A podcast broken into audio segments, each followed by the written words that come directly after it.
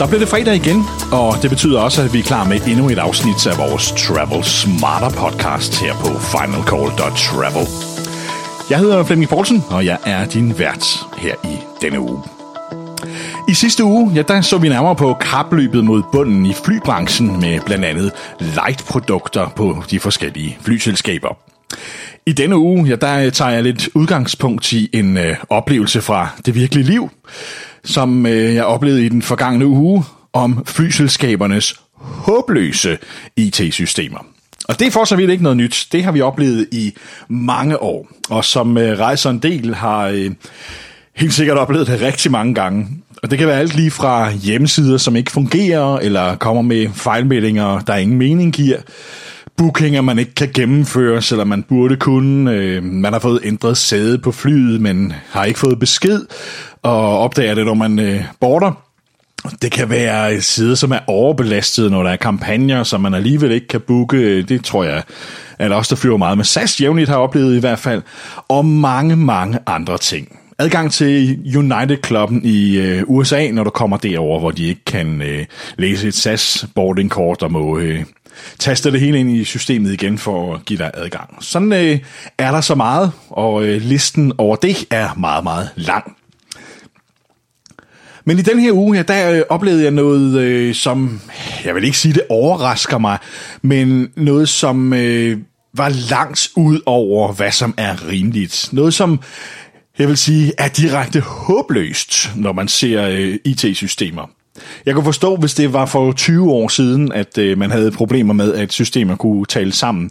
Men vi skriver altså 2017, og der synes jeg godt, man kunne øh, forlange lidt mere af flyselskaberne, og at de satte lidt mere på øh, fokus på kundeoplevelsen. Tidligere på ugen, så skulle jeg hjælpe en øh, god ven med at booke en øh, billet for to personer fra København til Hawaii.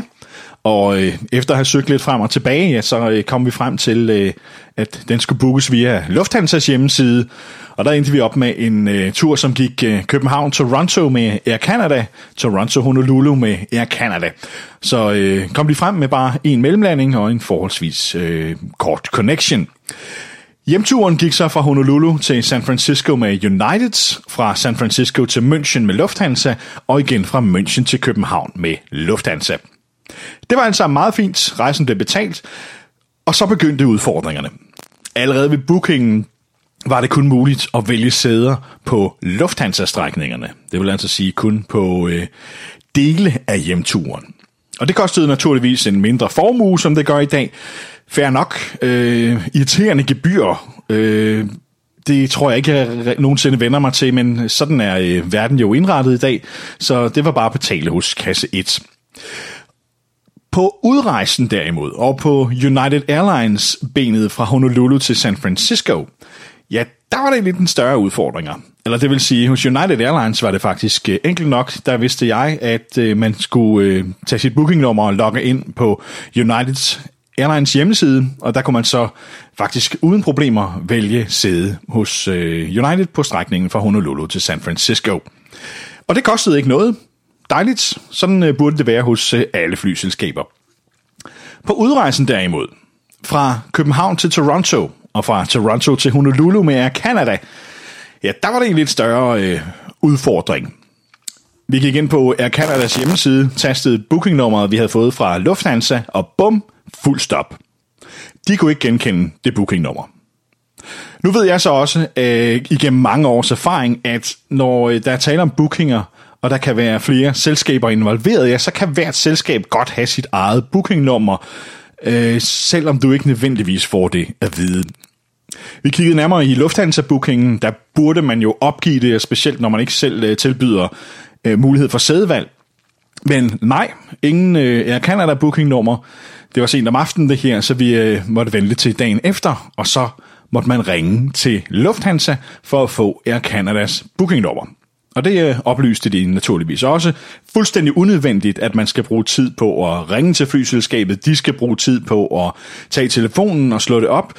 Så noget burde stå i bookingen. Og i virkeligheden burde det slet ikke være nødvendigt at have flere bookingnumre. Det burde Air Canada kunne slå op, når de er en del af, af den her booking. Ind på Air Canadas hjemmeside, de to flyvninger kommer op, vi kan vælge sæder, men bum, fuld stop igen. Her var det kun muligt, øh, rettere, øh, her gik øh, betalingen øh, fejl, og man kunne ikke gennemføre betalingen. Så nu var det øh, endnu en gang på telefonen, og den her gang til Air Canada.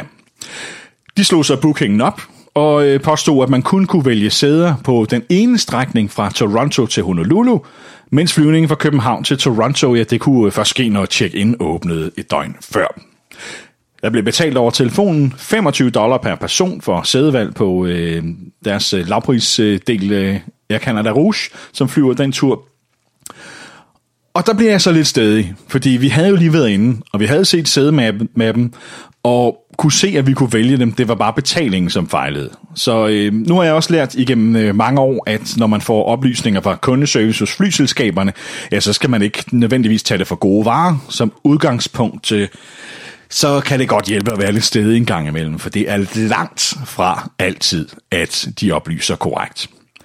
Så ind på siden igen, Air Canada fandt bookingen, men i kraft af, at det var en Lufthansa-booking, så kunne man ikke vælge sæder på Air Canadas øh, normale Manage My Booking-del. Øh, der kom en fejlmelding frem, og inde i den fejlmelding, der havde så gemt sig et lille link, hvor man skal klikke videre til deres Seat Reservation Tool.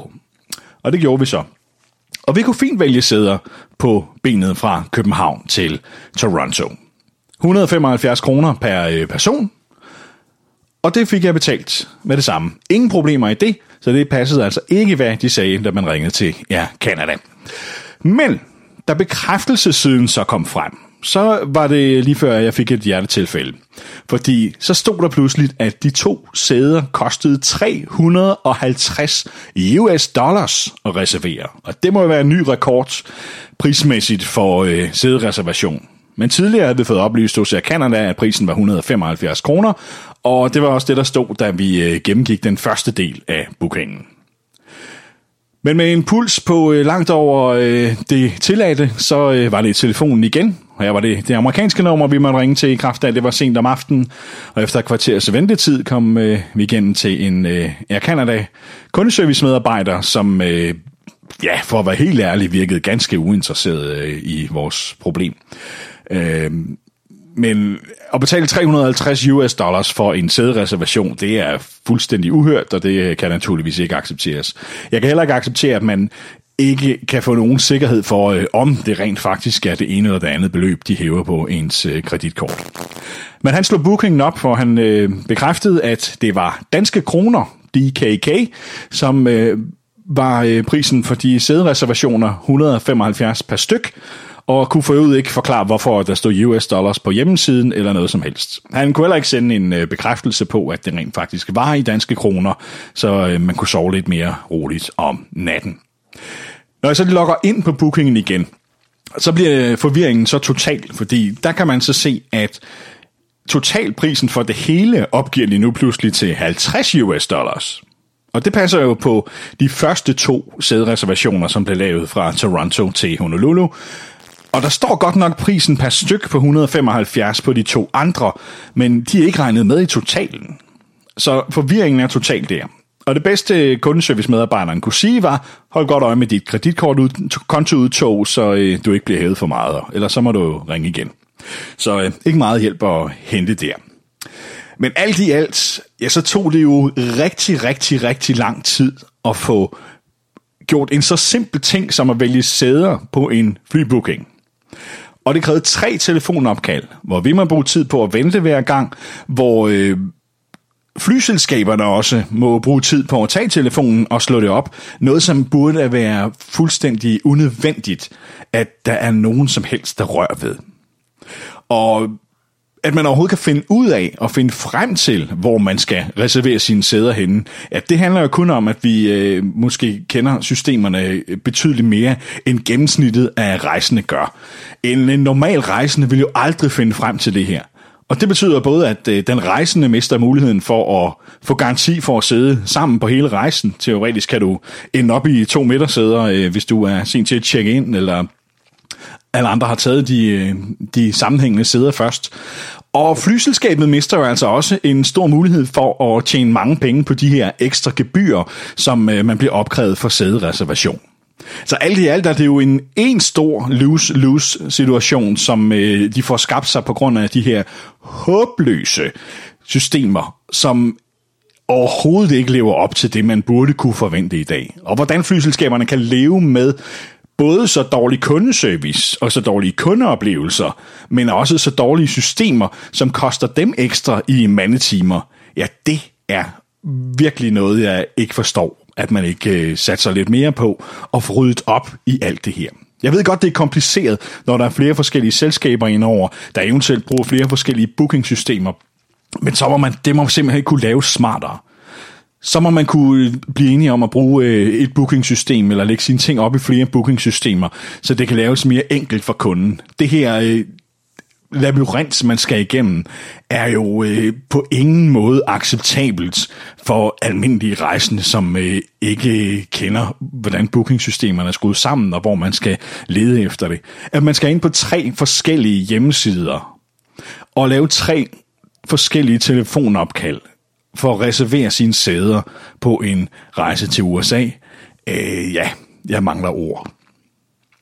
Men det er ikke det eneste sted, der er øh, noget, man kunne ønske bedre i øh, kundeservicen i luftfarten. Det kommer vi ind på, på øh, senere, øh, i senere afsnit af vores øh, podcast her. Men øh, ja, nu fik vi luft for den her og fik øh, eksemplet ud om, øh, hvor håbløse flyselskabernes både kundeservice og IT-løsninger kan være, hvis man er uheldig at løbe ind i de øh, ja, forkerte kombinationer, kan man vel sige. Problemet er bare, at man har ikke nogen anelse om det, før man har booket og øh, sidder i saksen hos dem og har betalt. Det var vores øh, podcast Travel Smarter i øh, denne uge. Vi er øh, tilbage igen næste fredag. Jeg hedder Flemming Poulsen. På genhør i næste uge. Flight test for.